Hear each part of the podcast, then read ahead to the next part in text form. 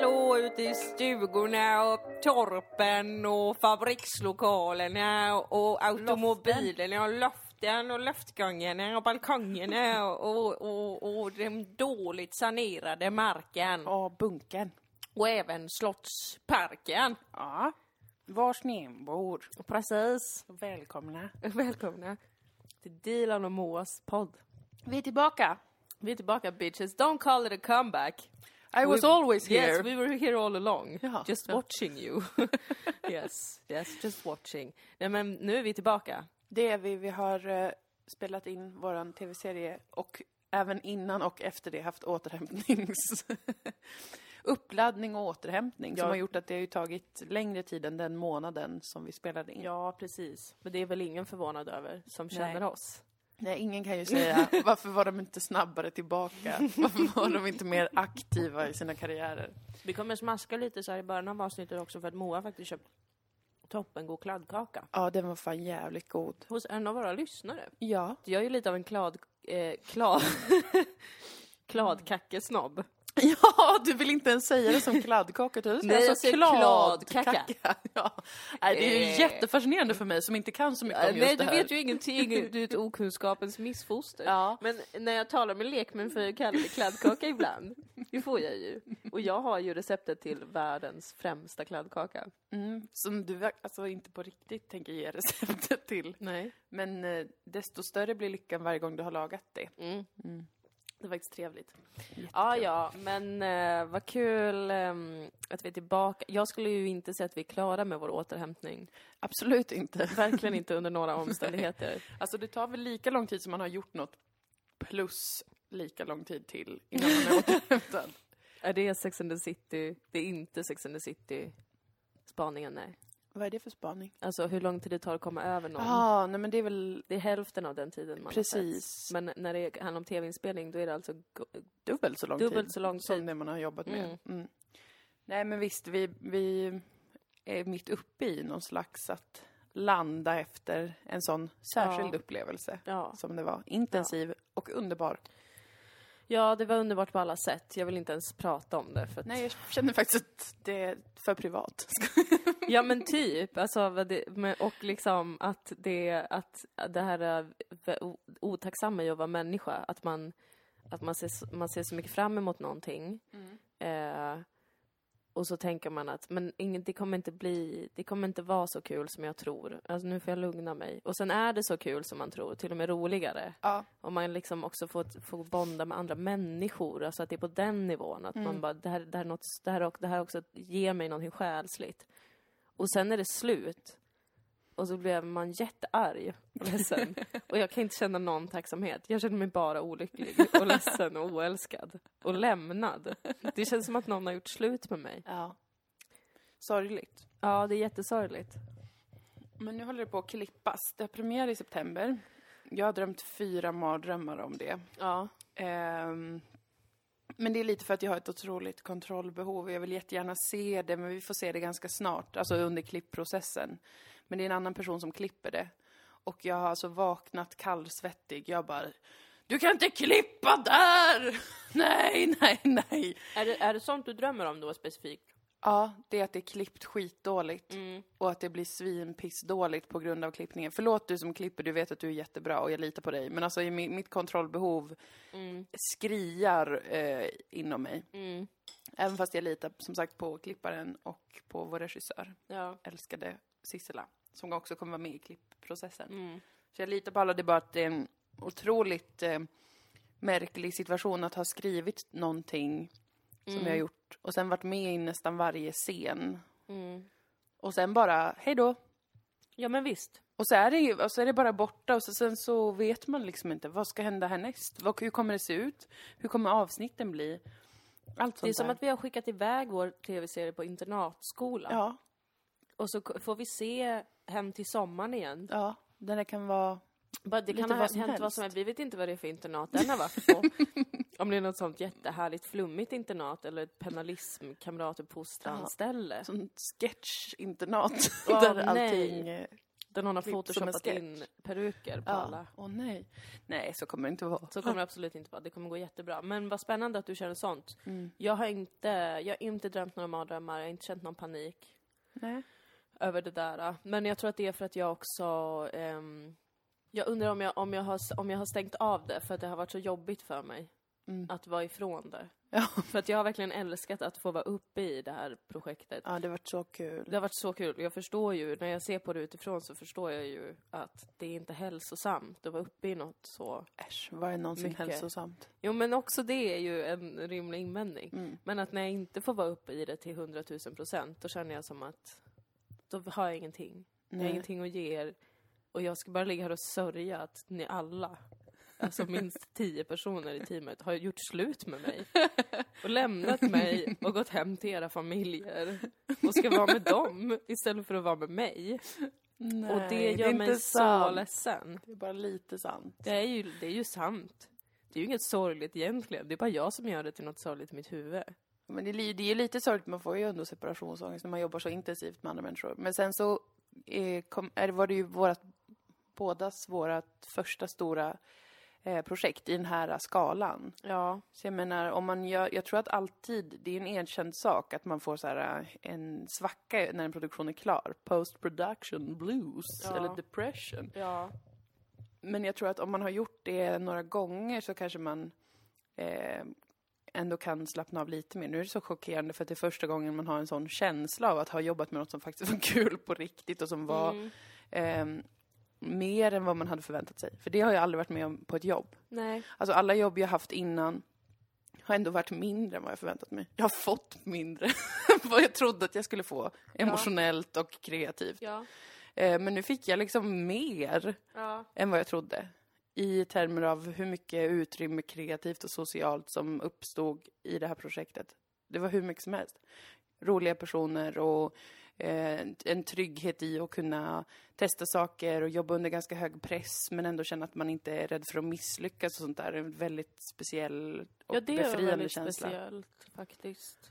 Att inte, och det tror jag kanske hjälptes av att, eh, att det var, att vi har fått en så låg budget och att Mm. Merkurius var i retrograd under hela inspelningsperioden. För det gjorde ju att, all, alltså att, att alla var tvungna att göra misstag också. Att vi var Tekniskt. tvungna, ja men precis, och vi var tvungna att jobba kring våra misstag.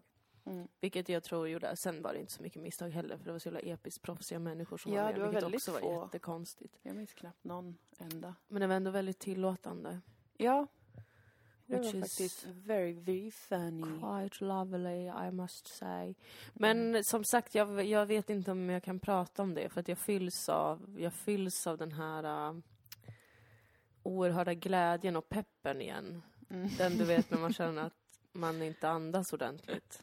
Att man är så glad och peppad. Ja. Och sen inser jag att men jag har ingen anledning att känna så just nu. Det har jag ju i mitt liv, men Ja. jag menar, alltså, förstår du vad jag menar? men jag och så du jag kommer menar. bara bli ledsen om tio minuter. Jag kommer bara få mer kontrollbehov. Mm. Alltså jag blir så stressad. Det är som varje gång vi har spelat in den här podden eller någon annan podd. Eh, även om jag hade en god känsla under tiden Mm. så efteråt har jag nästan alltid ångest. För jag vet Mm. inte hur det hörs när man Mm. hör det.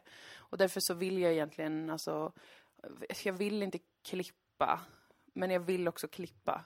Men, vad- men det sjuka är att ens när jag klipper, när jag klipper våran podd eller eh, en gång klippte jag Lilla Drevet och jag har liksom eh, klippt Tankis några gånger. Ja.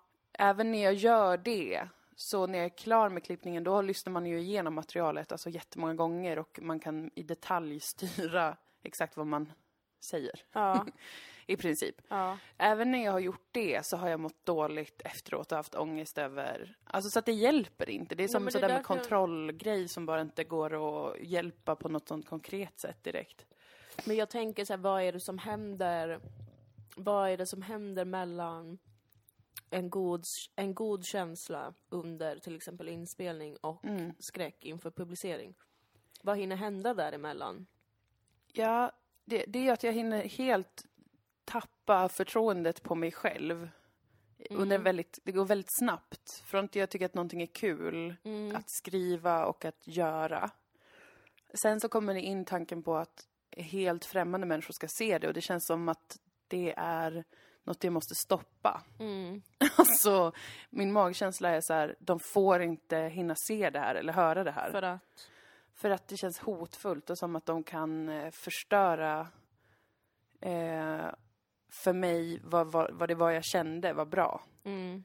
Alltså att jag tappar förtroendet för att det är roligt. Alltså om jag kände att det var kul att göra det, då var det ju kul att göra det. Sen, sen finns det ju ingen objektiv sanning om vad som är roligt. Det finns någon mer objektiv sanning kring vad som är bra.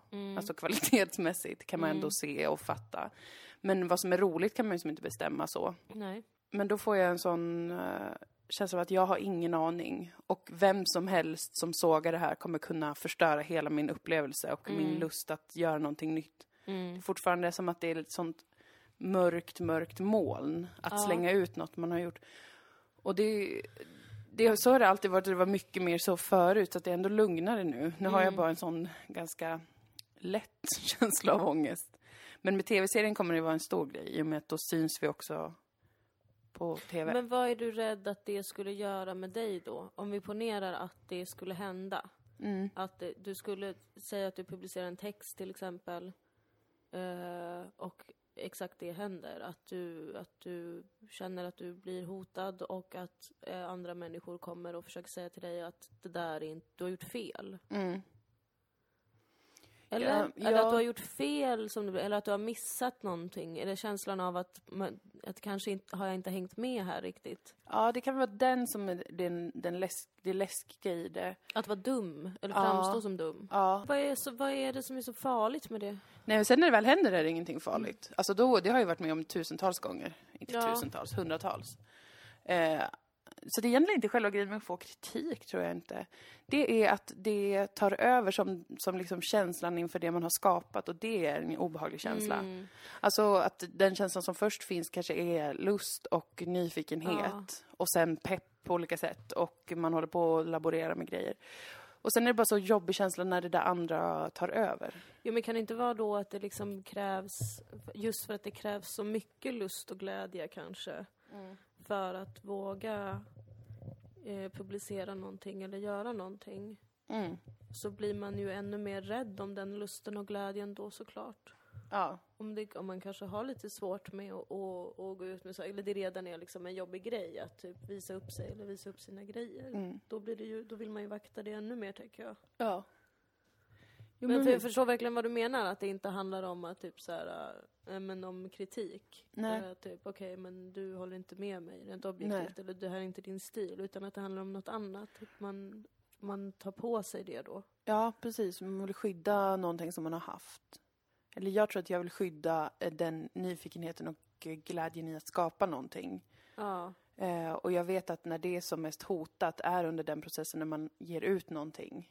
Ja. Och då får jag liksom eh, ett utökat kontrollbehov för att kunna tänka att jag ska kunna förhindra att det ska bli så. Ja. Men sen är ju även den känslan är ju temporär, men den är väldigt svår, det är svårt att fatta det när man är i det. Alltså känslan av att så här, åh nej nu är det inte kul, jag vill aldrig mer göra någonting, jag borde bara vara tyst. Alltså den går ju också över.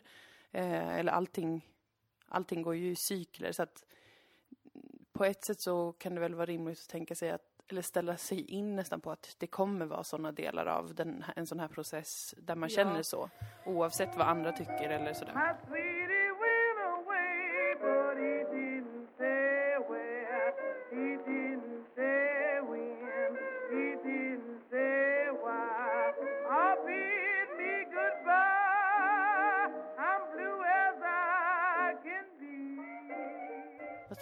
Jag, hade, jag sk- kollade om jag hade skrivit lite anteckningar till podden. Ja, hade du det? Det hade jag. Berätta. Men jag tycker aldrig att de är roliga sen när jag ser dem. Det är alltid svårt när man har förberett något. Nej, men jag har väl lite tankar. Ja. Det är lite från i julas. Oj, är det så länge sedan? Hur sorgligt är det inte att allt som är jobbigt med släkten bara handlar om att man vill bli älskad av släkten? Sant? Det här märks att jag har skrivit när jag umgåtts med släkten och Ja. haft ångest. Sen också att jag gått tillbaka till mina rötter. Men det är lite poetiskt vackert. Alltså, sossa har blivit ett av mina bästa skällsord. Mm.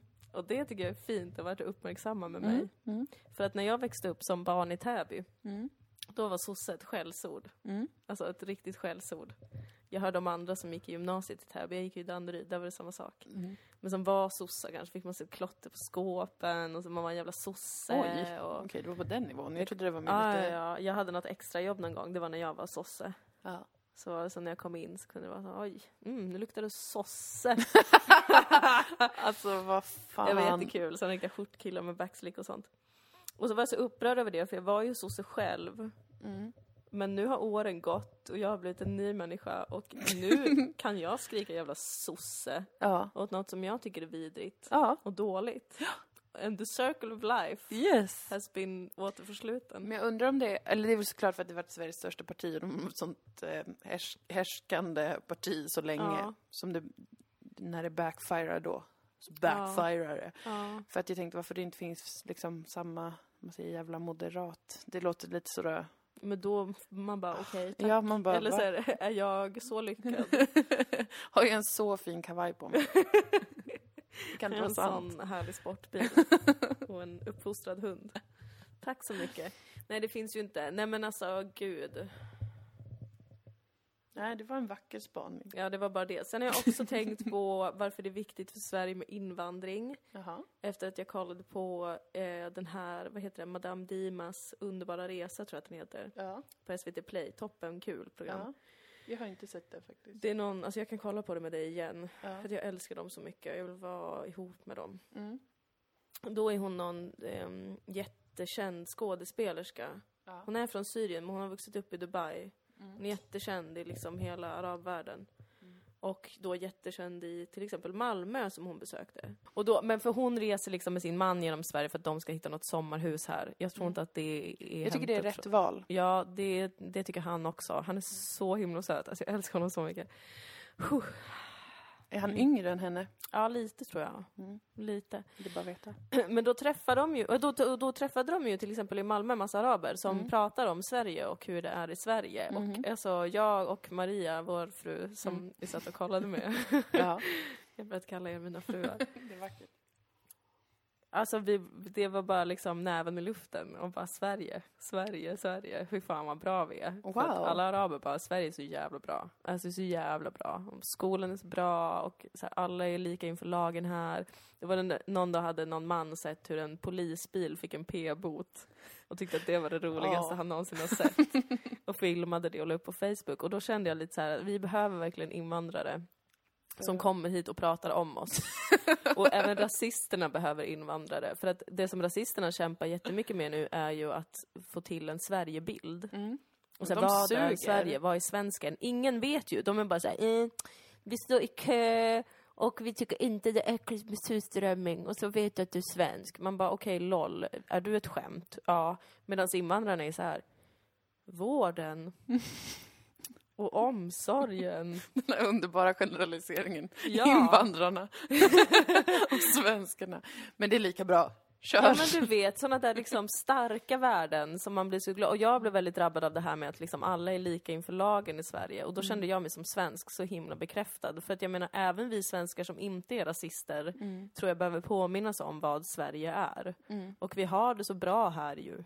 Mm, På vissa sätt. På många sätt. Att man ju glömmer bort det va. Mm. Och då, då tycker jag tack alla ni som kommer hit från Irak och berättar för oss. För jag är en sån svensk som är så här, "Åh, jag vet att Sverige är jättebra, men Ja, den strukturella diskrimineringen, bla bla bla, som är högst verklig. Jag tycker Sverige är ett superrasistiskt land.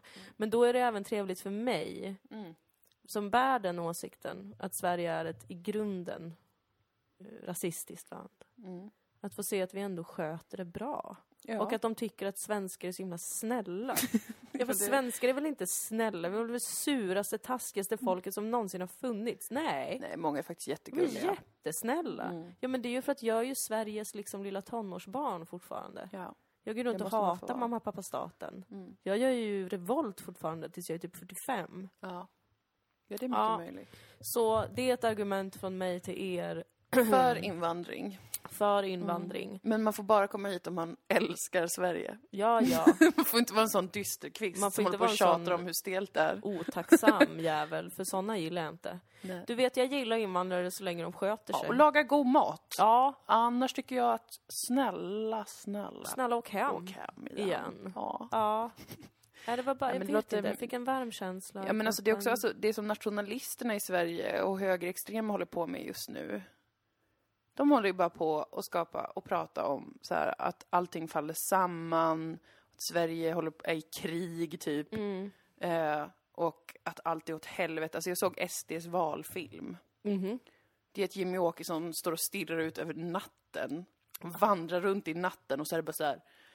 Bilar som brinner, polissirener, vården funkar inte, allting är i kris och de har blundat för det här. Alltså det är ju samma case som de alltid har haft med att alla de problemen beror på att vi har haft för stor invandring. Men det var så här, äh, det mörkaste val... Alltså det var ju snarare som att det var att vi bad om SOS-hjälp. Ja. Typ om, alltså om att vi var Syrien. Ja. Sån stämning var det. Ja. Det hade typ kunnat filmats ett litet barn som har kol i ansiktet och sitter och gråter.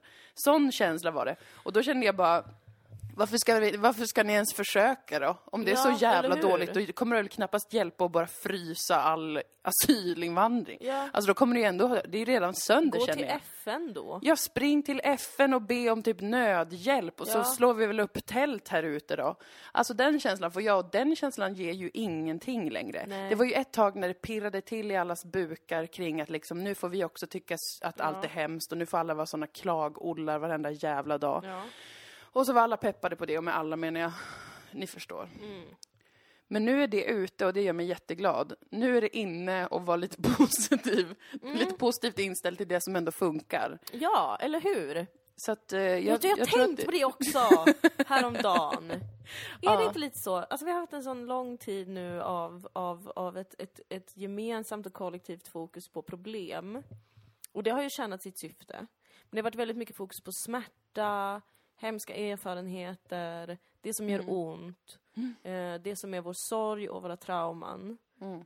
Och nu känns det som att vi kanske börjar ta nästa steg, va? Ja, Att fokusera på lösningarna, det positiva, det härliga. Där säger man ju varje nyårsafton. gör man det? På Facebook är det minst tre personer som är så här. nästa år tror jag kommer bli ett sansat, stabilt och lyckligt år. Det blir aldrig det. No. Men Nej. jag tänkte ändå på det. Kan det vara så? Kan det vara så? Jag vet inte. Jo, men alltså någonstans så i de här eh, kris och alarmberättelserna, alltså de kommer... Det, är oundvikligt att det inte går inflation i det. Ja, Till slut så är det bara de som är, har ett riktigt stort behov av att känna att allting faller samman som kommer göra det. ja, Men liksom den chockade majoriteten som gick med på den idén ja. för att det plirade till överallt. Mm. Den, den får ju nog efter ett tag av den beskrivningen av verkligheten. Ja, Man, man, man så här, "Jaha, men vad ska vi göra då? Som sagt, ring FN då. ja. Eller vad då ska vi bara dö nu? Eller Ja. vad? Så att eh, jag tror att det faktiskt är ute. Sen Ja. eh, får vi hoppas att det inte blir en sån jättepositiv sväng där alla typ ska sitta och ta en bild när de solar och dofta på en blåsippa och eh, bara prata om allt positivt. Men vad som än händer så är det ändå alltid bara samma jävla skit jämt. Ja, det är väl det man alltid kan landa i. Ja, det kan man alltid Och landa det är i. ju en tröst. Det är det inte. Nej, jag tycker bara att det är en tröst att tänka på rymden. Alltså Ja. det brukar jag tänka på när jag får höra talas om politik och länder och krig och allt. Tänker jag Mm. bara på rymden. Ja, men det kan jag ju relatera lite till.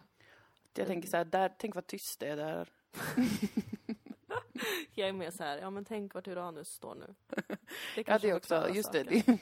det. Jag tänker inte alltid på att astrologi är ju planeter och sånt där. Jo, men det är ju det är ju exakt det det Det är. är ju det.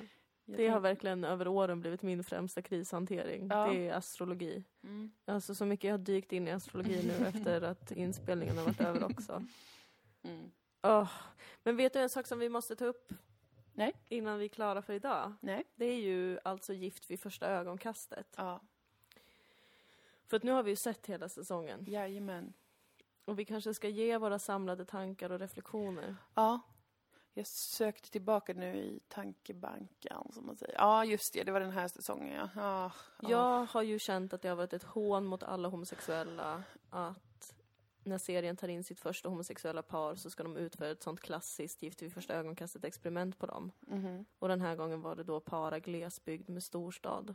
Man kan inte göra det! Man kan inte göra det. Och framförallt så kan du ju inte ta en ung man som är homosexuell Mm. Som i sista avsnittet visade sig att han har alltså aldrig någonsin umgåtts med en homosexuell man tidigare. Nej. Han har inga homosexuella vänner. Han blev glad att träffa den här killen för att han fick en manlig homosexuell vän. Ja. Är den personen redo att Nej. gifta sig? Nej men snälla, nej. Nej. Han måste ju få gå ut och känna lite på folk först. Ja, visst, självklart. Eller så här, om han trivs svinbra i vad det var, Mjölby, Ja. sån liten stad. Eh, med i sin, han verkade ha det skitmysigt, han hade marsvin, hade en trevlig lägenhet. Gillade typ det livet ganska mycket, Ja. får man tänka. Ja. Om, eh, om han inte såg det här programmet som en väg ut från det. Men det tror jag inte, för han gillade ju ändå det. Jag tror att programmet såg det här som en väg ut för Ja, honom. de påförde återigen Ja. sina konstiga idéer om, om att som de gjorde med det här att klassiska klassparet Ja, ja, med han golvläggaren och hon eh, Nyrika. nyrika tanten. Mm. Alltså att de har en idé om att det här skulle bli snyggt Ja. om det funkade. Men det är taskigt. det är jättetaskigt. jag tyckte elakt. också att det var upprörande för att båda de, de killarna tyckte jag var jättegulliga. Alltså, jag blev glad för att de verkade vara så pass roliga personer. Mm. Men det fanns ju ingenting som hade kunnat göra att de kunde vara ihop. Nej. Det är en omöjlig idé. Ja, jag hoppas verkligen att han den andra killen, han skåningen, jag hoppas, jag hoppas han hittar kärleken. Han som bodde i Stockholm, Ja, han var en ljuvlig person. Jag hoppas också det, att han hittar vad han än vill han ha var i helt livet. underbar och jag önskar honom allt gott i livet. Även den andra. Mjölbypojken, Mm. där kände jag efter ett tag att nu får du fan skärpa dig. Jo, Varför är du med här? jo. Om du inte tänker göra något för kärleken. Nej. Men det är ju ett program där de, det, jag, jag identifierade mig ju väldigt mycket med Mjölby-killen. Jag vet det. Med den fruktansvärda skräcken jag såg i hans ögon. Den, man fryser till is och man har inga ord kvar och det enda man vill är att de ska rädda en från Ja. den fruktansvärda situationen man har hamnat i när man hade en kul idé. Mm. Jag känner igen mig så himla mycket i det. Så att eh, jag kände bara att de borde inte ha tagit in honom från första början. Nej. De borde varit så här, "Ah, du kan göra något annat kul. Det här kommer inte bara vara ett roligt litet experiment, utan det här är typ en världsomvälvande, Ja. du blir en offentlig person, du blottar ditt känsloliv Dilan on och Moa screen. kommer prata om dig i Dilan och sin podcast. om, om. Utan några filter kommer de prata om dig. Exakt. Det, därför tycker jag att det faktiskt var produktionen igen som gjorde fel val där. Och jag vill säga till honom, hoppas du får det jättebra. Alltså vad du än gör. Jag vill säga till produktionen att vi finns här. Ja, men de har lyssnat på vår podd, jag vet det, för att de har tagit med mycket. Varför Den- anställer de inte oss Nej, vad- som exakt. programledare Ge oss exempel? betalt så kan vi Ja. ge dem alltså, de här råden fast på riktigt ännu bättre Jag råd. kan tänka mig, alltså jag kan tänka mig att åka upp till Stockholm ett antal veckor för att arbeta med det här. Ja, alltså jag kan fan också göra det. Alltså, Eller, eller ring bara Mark Levengood. Alltså ni måste väl Mm. få dela på honom mellan de här olika programmen som ändå sänds på SVT. För då vill jag att Mark Levengood ska finnas där och prata med deltagarna. Jag vill inte att deltagarna ska prata med den här psykologen som jag inte tror är psykolog. han mannen som varit med i alla säsonger. Han som äntligen börjar få Nej. lite ordning på sin flint. Ja, men det är inte, fortfarande inte, det är inte så ordnat. Med Nej. Och med det menar jag inte att män som har flint bör hålla på med hårtransplantation. Utan jag menar att om ni gör det så får ni göra det snyggt, men annars är ni lika vackra ändå. Ja, faktiskt. Alltså verkligen. Mm, mm. Alltså, ja, det går inte att understryka nog att det där är inte ett alternativ. tycker jag. Nej. Men om vi inte ska gå på ytan, för alla måste göra Just det, de det. kan. Mm, det Och sant. liksom det man själv tycker jag är fint. vet att jag också är ful på många sätt. Jag är också det. Så att- Alltså det är verkligen ingen kritik som är Jag behöver enskild. få ordning på mitt hår. Ja men jag på mitt liksom. Men det var bara lite med den frisyren att den har, har jäckat den lite över säsongerna. Ja, det har den. Lite grann. Ja, för den är också väldigt ofta en optisk illusion. Ja. Alltså det är inte lätt att förstå. Så som tittare så kan man ju vara ganska sådär. Ja, det är svårt. Ja det är svårt och vi kommer få så mycket Men skit för våra utseenden i höst. Så att vi har lite råd att säga sånt här tror Får jag kritisera honom? jag. Eh, Ja, Utanför hans utseende. Ja. För att jag blev fan förbannad. på psykologen. Ja, för att han försöker starta bråk mellan paren hela tiden. Mm. Han försöker alltid skapa konflikter. Mm. Det är jättekonstigt. Och bara, du är ju sån här. Ja. Och din partner är ju sån där. Och där kommer det uppstå slitningar. Ja. Men okej, positiva klubben har samlats. Tack för hjälpen. Som när hon, de här äh, blonda, äh, skilda världar-syskonen. ja, de som ser ut som tvillingar har blivit ihop Ja, nu. de som faktiskt lyckades. Ja, jag tyckte faktiskt att hon Det var var, väldigt gullig. Alltså, Hon var grym. Hon var en... Han var pass- också grym. Ja. Honom kändes det som att de försökte klippa fram lite mer av en douche. Jag tror det, ur- för att det skulle vara spännande att man fick typ Ja, se fler klipp där han var så här. Jag vet inte, man är ju rädd för att man inte ska bli kär. ja. Och, så, man kanske det var "Va?" en jättelång mening innan det, men sen tog de bara med det. Ja. Så att det var så här, vad fan säger du det för Så jag nu? tror att han kanske vågade prata om sina rädslor på ett väldigt bra sätt. Mm. Men det, det klipptes lite till att så här, oj va? Var han en douche? Hur, Va? Mm. Va? Men för att då, då har de två gift sig och då ska hon, eh, kvinnan i det här heteroparet då ska åka iväg och plugga någonstans på annan ort. Så de ska vara ifrån varandra i typ mm, två månader eller något sånt. Istället för att då vara så här, okej nu ska ni, det är väldigt nytt allting och nu ska ni ha distans mellan er, hur kan man jobba med det så att det blir så smärtfritt som möjligt Mm. och hur kan man underhålla det? Så är liksom inställningen till det, ja nu kommer ni vara ifrån varandra och det kan skapa friktion. Mm. Det kommer inte vara lätt. Det kommer vara jättejobbigt. Mm. Men varför gör du så här? Ja. Och det som är så konstigt med att ha, ha med experter på det här sättet är ju, som vi har sagt i varje säsong, att de kan ju inte säga något expertråd. Varför kan de inte det? Nej. Är det för att det typ bryter mot deras arbetsetik, att de kan inte sälja det eller liksom vad är det? För att varför, det, de hade kunnat ta in vem som helst som Ja. säger exakt samma saker, typ så här. Ja men du är ju en person som är rädd för att bli lämnad. Bara, men no shit, det är väl varenda jävla människa. Den som en sån hoax-spådam. Uh, Linn Hed var ju med i år. Ja men Henne jag gillade gillar jag ändå ändå. hennes lite så tough love. Ja, det gillar jag också. Men jag tyckte också att det var oerhört stelt när de skulle, de här två killarna då skulle ta, ge varandra Ja. massage och stirra in i ögonen på. Alltså, eh, ni kan inte, ni kan inte forcera fram en sexuell attraktion.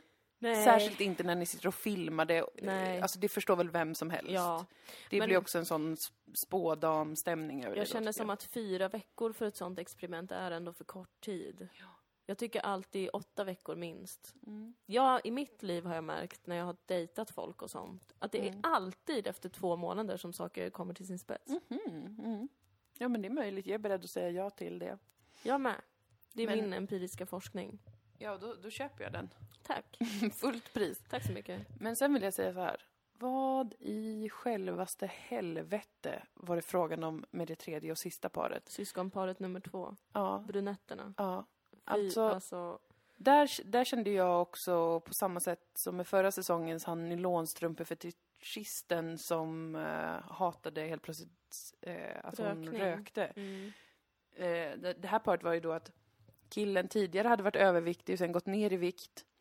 Och eh, nu ville han leva hälsosamt, men hon var lite mer så här, inte så jättebrydd om det.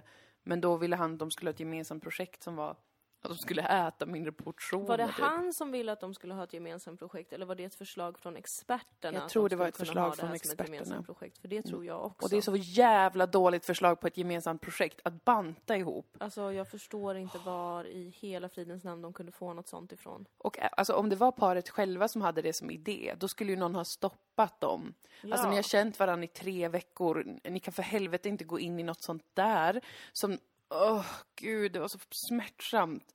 Åh, det var så värdelöst. Varför stoppade ingen det? Men för att vara lite jämställd här också. Mm. Alltså, jag tycker att det här paret ändå var, var, var väldigt jämställt i hur osköna de var. Mm. Ja, de var faktiskt lika Alltså det var osköna. verkligen inte bara han som var oskön för att Nej. han hade ett gammalt lagrat komplex som han ville Nej, ta ut på sin nya partner, utan hon var ju inte snäll. nej. Eller De, trevlig. Eller liksom, va? Jag, blev, så jag hade så mycket ångest när jag såg de två. det var jättes... Alltså det var verkligen... Huva. Det var när två personer så himla lite vill vara med varandra. Ugh. Att de kan göra vad som helst till en diskussion. Ja. Och de fick så lite eh, vägledning och som tittare kände jag mig helt övergiven. Alltså det var bara, kände att det bara var hemskt att se dem. Mm. Och experterna kom in någon gång och bara, man kan ju börja bråka om småsaker. Ni börjar ju bråka om småsaker. Eh, ni kanske ska försöka att inte göra det. Man bara, men Men sätt dem What inte i en jävla husbil på husbilssemester. Ska de åka runt på para inte ihop campingar? de två människorna från början. Nej. Alltså. Nej, det var en... Eh, det var ju första gången dock som ett par faktiskt höll ihop. Och det är Ja. de här blonda som Och jag verkar ha hoppas varit de ihop. fortsätter hålla ihop, för jag tyckte de passade toppen bra med varandra. Ja, de var faktiskt väldigt gulliga ihop. Väldigt, väldigt gulliga. Vi borde googla och se om de är ihop. Ja, jag ska försöka få reda på lite inside info. We need to know. Ja, kanske när Baluba ringer oss Ja. för att fråga ifall vi vill bli programledare för Gift vid första ögonkastet. Mm. Programledare som också kommer ha en vägledande roll. Ja, vi är både programledare och experter. Vi skulle vara jättebra som det ju. Vadå? Jag har typ aldrig varit ihop med någon. Du har en, en stadig monogam Du har förlovat dig! Gud! ja, ja, ja. Vi har inte sagt någonting. Nej. Du har förlovat dig Mm. den 27 april 2018. Ja. Vackert. Fick du frågan? Då fick jag, eh, då blev jag trolovad. Ja. Ja, så att jag menar, är någon expert på kärlek nu så är det ju jag. Men eller hur, vi har ju båda perspektiven. Ja. Du ska gifta dig, jag kommer antagligen gifta mig med en papperslös om tio år som min sista utväg Mm. Kanske. till att nå äktenskapet. Vi får se. Vi får se. Gud vad kul. Mm. Hur känns det att vara förlovad? Det känns roligt. Det känns som att eh, det, var, det var ju väldigt eh, mysigt och fint och glädjande. Men jag känner samma monogami som innan. Mm. Den, har inte, den har inte kunnat stegras Nej. mer. Alltså för att den har, den har varit så stark i mig. Ja, du är extrem. Du är monogam extremist. Ja, jag är verkligen Skulle en man kunna monogam säga. extremist. Mm. Men det var jättefint. Så det gjorde mig superglad. Eh, att, alltså bara själva att man får, eh, att man får vara så, mysa så mycket över sin Mm. egen relation. Mm. är ju lyxigt med en sån där grej. Och att vilja göra det. Att vilja göra det är också väldigt skönt. En Ja. bekräftelse på att man faktiskt vill det. Att det inte bara är så här av juridiska skäl, för det, det är det inte. Även om de juridiska skälen är goda. Ja, jo, självklart. Ja, alltså så är det ju verkligen. För mig är det viktigt att ni ärver varandra automatiskt. Ja, jo, jo, jo, jo, jo, det är Ja. jävligt Ja, viktigt. Jävligt viktigt. Det sitter ju i finliret allt det där. Ja. Ja, ja men gud det är så konstigt. Mm. Men jag är ju också, jag har ju varit beredd på det. Det har jag ju. Ja, Jag har ju planerat ert bröllop länge. ja, nu ska Även det... fast jag inte är så varmt inställd till äktenskapet alls. Nej. Men Nej. det är med äktenskap som med invandrare. Alltså Ja. de jag känner. de är du Och okej de som med. sköter sig. De är okej med. Ja, jag känner bara liksom, jag hatar samhället, jag hatar allt som alla håller på med. Men jag vill få göra min egen grej av det, för annars kan man ju lika gärna dö. Ja, Alltså om man inte får göra någonting alls för att äckliga människor har hållit på att äckla sig med allting, Ja. då kan man inte göra något. nej. Så då kan man lika gärna ta det man kan, plocka russinen ur ångestkakan som har varit mitt motto sedan jag var väldigt ung. Ja, Och gör man något gött av det för sig själv ja. och skyddar sig mot eh, omgivningen. Och framförallt kan jag få gå på ett bröllop där jag vet att jag kommer få vad som jag vill. Ja. Det ser jag väldigt mycket fram emot. Ja, jag ser, jag ser fram emot, måste bara hitta ett sätt att kunna ha en budget, totalbudget på 10 000. Ja, Eh, för då kan vi liksom börja spara nu. Och ska Ja. jag fått ihop 10 000 om men det Ett tror jag inte är år. omöjligt. ett och ett halvt Det tror jag kanske. verkligen inte är omöjligt. Jag vill ligga men- med någon på ett bröllop. Ja, jag ska, det kommer också gå, min budget gå till en manshora till dig. Gud, det är så dåligt det går att du har gått från att vara min wingman till min, bara, till min, Jag får ha på mig så här, mina vanliga mjukiskläder istället för en klänning för att jag har lagt ner 4 000 på att eh. En manlig eskort ska vara där och stå vid din sida. Eller han ska komma när du minst anar under kvällen. Ja, och så han bara, oj göra- shit, vem är du? Och det, det kommer ju kosta en del också för att han kommer ju behöva utbildas innan. Ja. Alltså han kommer behöva se fyra bröllop och en begravning. Han kommer Mm. behöva se Notting Hill. Det är ett heltidsjobb i alla fall en månad som man Ja. behöver kunna bekosta och jag menar där är vi redan uppe i. Serendipity vill jag att han ska se. Alltså alla de här liksom... Eh, Mm, han måste vara perfekt. Sleepless in Seattle. Ja, det måste han. Så att det är klart att det är ju en stor Mm. utgift inför eh, bröllopet Ja. som jag kommer behöva börja överväga redan hur jag ska Men det få är viktigt att du kommer ihåg att det här handlar om dig. Ja, självklart. självklart gör det det. Absolut. Nej men det blir ett kul bröllop tror jag. Jag skulle vilja ha liksom en veckas Mm. eh, fest. Alltså med själva bröllop och sånt där, två dagar. Och sen Mm. bara kompisar och familj. Bada, Mm. Sola, sola, äta, dricka. äta, dricka. Fast då för 10 000 kronor totalt. Ja. Så att det är ju att man får äta så ärtsoppa. Eh, och sova på stranden. Men kanske- sånt eh, lodgäng. Om det, blir, om det går bra med tv-serien nu Mm. och vi kanske blir jättekända. Mm. Då kanske någon, något tv-bolag vill sända ditt bröllop. Men det vill jag inte. Men däremot så kan vi göra ett decoy-bröllop som Mm. de får sända. Mm. så får vi 300 000 Mm. efter skatt. Mm. Och de tar vi till riktiga bröllopet. Ja, för då kan vi ju bara låna av oss själva. Ja, Så att vi har det riktiga bröllopet först. mm. Fast med skådespelare som spelar mig och dig och Maria Nej, och alltså då har vi Robert. det riktiga, riktiga bröllopet. Men i hemlighet. Ja. Och ingen vet om att det händer förutom de som är bjudna. Mm. Och sen då, när tv-bröllopet är, Ja. då är ni ju redan gifta med varandra. Allt är klart. Ja. Eh, alla tar syra. ja. Och så latchar vi oss igenom sändningen. Mm, det är också ett ganska bra förslag faktiskt. Det är bara för att jag vill göra den här South Park-kille-grejen. Vilken? Att ta När- syra? Ja, de tog syra och gick på Oscarsgalan. Ja men det var jättekul, men det ska vi, måste vi göra ifall vi någonsin får en Oscar. Om vi någonsin får ett pris. Ja. Om vi, någonsin, om vi blir bjudna till Kristallen. Mm, då kommer vi ta syra och komma. Jag vågar inte. Nej jag vågar faktiskt inte heller ta droger, alltså min biokemi suger verkligen så att jag kan inte göra det. Men vi kanske skulle kunna komma dit väldigt, väldigt fulla. Väldigt ledsen. Ja.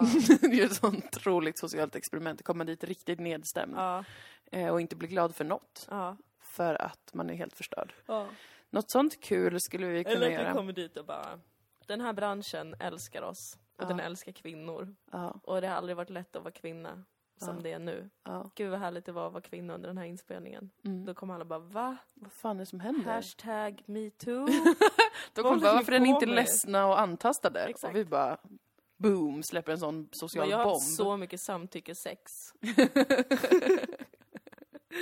Vi startar en ny hashtag-kampanj för alla oss som har haft så jävla gött på inspelningen. Exakt. Och vi har inte jobbat med någon sån regissör som har skrikit och antastat oss. Exakt. Det blir kul. Eller Det att blir vi kul, outar det Sissela som, som ett skämt. som ett gris, alltså en riktig gris. Ja. Att Sissela har antastat oss. Det vore ju ett stort PR-jippo. Ja, det det Frågan är vem som hade gått på det. Mm. Fast nu måste man nästan lita på allt kvinnor säger om sånt här. Så att, Exakt.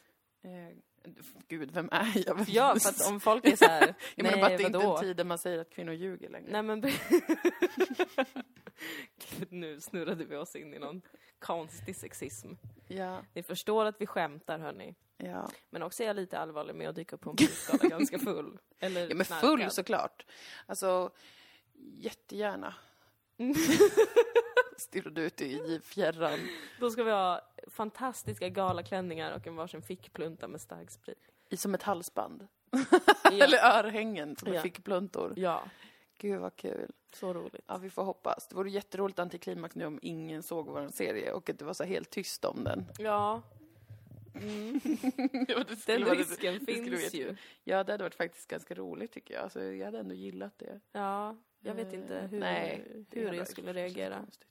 Jag kan, inte, jag kan inte tänka mig någonting. Nej. Vi måste börja runda av. Ja, Men det vi måste säga innan vi börjar runda av är att på lördag, den 5 maj. då kommer vi till Umeå humorfestival. Ja, klockan 21.00 på Väven På så kör Väven. vi. Det står att det kommer vara på Mimer på hemsidan. Ja, för men vad fan. Och Ja. Mimer och Väven är inte samma sak va? Nej, det är det Men det ska inte. vara på Väven. Okej. Mm. Det är vi två och det är Humor är kul och det är pianisten Thomas Burström som kör en helt ny splitter kul säsong av improvisationsföreställningen Skuld. Ja, En otrolig show som har blivit utsåld alltså i Malmö, Stockholm, Göteborg och Umeå tidigare. ja. Och vi återvänder nu, så det finns biljetter faktiskt. Det, det har varit svårt att köpa biljetter. Jag, ja, Jag har fått mycket frågetecken från folk som inte vet hur de ska köpa och Ja. sådär. Så därför så finns det glädjande nog många biljetter kvar. Ja, Ehm, och man kommer väl kunna köpa biljetter i dörren också va? Ja, Ja. det är jag nästan helt säker på. Annars så skriver vi innan.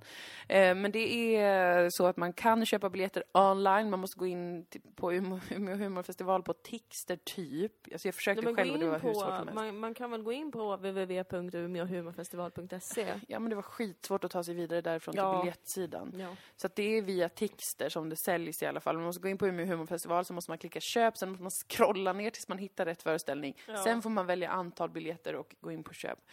Eh, det är otroligt eh, mäckigt. Men värt det på grund av att det är en föreställning som brukar bli så fruktansvärt kul och helt unik. Det Every är verkligen värt det och det är helt absurt hur roligt det blir. Ja, det är faktiskt svinkul. Jag längtar. Det ska bli mysigt att vara i Umeå lite nu. Och... Det ska bli jättekul. Jag längtar efter att spela, jag längtar efter att se vilken arbetsplats det kommer utspela sig på. Ja. Det kommer publiken bestämma. ja. Och vad, vad det blir för olika karaktärer. Ja. Och vad som blir den stora händelsen. Och Mm. vad som blir den mörka hemligheten. Och vilka som blir kära i varandra. Och vilka som försöker förstöra för varandra. Oh god. och vilka genrer vi kommer sjunga i. Ja. Mm, Så kul. så kul ska det bli. Så kämpa er igenom the web of web Ja. och köp biljetter. Ja. Umeå. Umeå. Sen har vi inget mer live inplanerat i nuläget. Nej. Vi kommer eh, ha en liten miniföreställning på Sveriges psykologstudenter 2018, en psykologkongress Mm. för studenterna i Göteborg nu på fredag. Men det är ju sånt som man redan måste ha biljett till. Ja. Men där ses vara vi. psykologstudent för att få se. Mm, precis. Men kul! Det blir Det roligt. blir kul att träffa psykologer. Ja, jätteroligt. Ja. Men Ja. sen så blir det inte så mycket mer live Nej. i vår. Vi får återkomma i höst och ösa Ja. på lite mer. Jag längtar faktiskt lite efter, efter scengrejer. Mm. Det ska bli kul med Umeå, Ja, faktiskt. mer impro i höst. Ja! Ja! Men nu är vi igång med podden igen i alla fall, det känns skönt. Det känns mysigt. Då hörs vi igen då, säkert nästa vecka. Ja, Ja, I'm game. jajamän. Eh, puss och kram på er alla, tack för att ni lyssnar och finns kvar trots vårt uh, oerhörda uppehåll. Ja. Dela gärna den här podden med folk ni känner. Gör det och ni får också, alltså ni får göra alla de grejerna. Vi blir liksom inte ledsna om ni delar den eller använder våran hashtag Dilan och Ja. Moa. Eller om ni ger oss betyg på iTunes, förutom om ni är under tre. För då blir jag faktiskt besviken. Jag Ja. tycker det är sniket att ens göra det då. Ja. Men tre och upp är jag fine med. Jag, jag, jag blir lite så lockad och pockad av, av, av ettor och sånt. Mm. Ja, Jag du vill, jag vill sig så. veta det. Jag vill veta om ni inte tycker om oss. Och så vill jag veta varför. Ja. För att i en annan värld hade jag kunnat vara du. ja, det är sant. Mm. Nej, men alla är välkomna då tydligen. Att Ja. ge betyg på iTunes. Om man nu Men om man inte vill såra Moa så kan man ju alltid ge minst tre stjärnor men Ja. skriva ett väldigt risigt betyg. Ja, det kan man göra. Det kan man göra. Mm. Det är helt okej. Ja men vad bra. Och glöm inte såklart att vi finns ju på Facebook, Dilan och Moa. Vi finns på Instagram, Dilan och Moa. Mm. Eh, men vi uppdaterar mest som Dille, Pille och Moa Lund. Ja, Alltså våra egna konton. det gör vi. Och Dille, Pille och Moa Lundqvist på Twitter. Ja. Ja, Vi ses på webben och på stan. ja det gör Det gör vi. Det gör Det gör vi. Ta hand om er. Puss puss! Puss i prutten.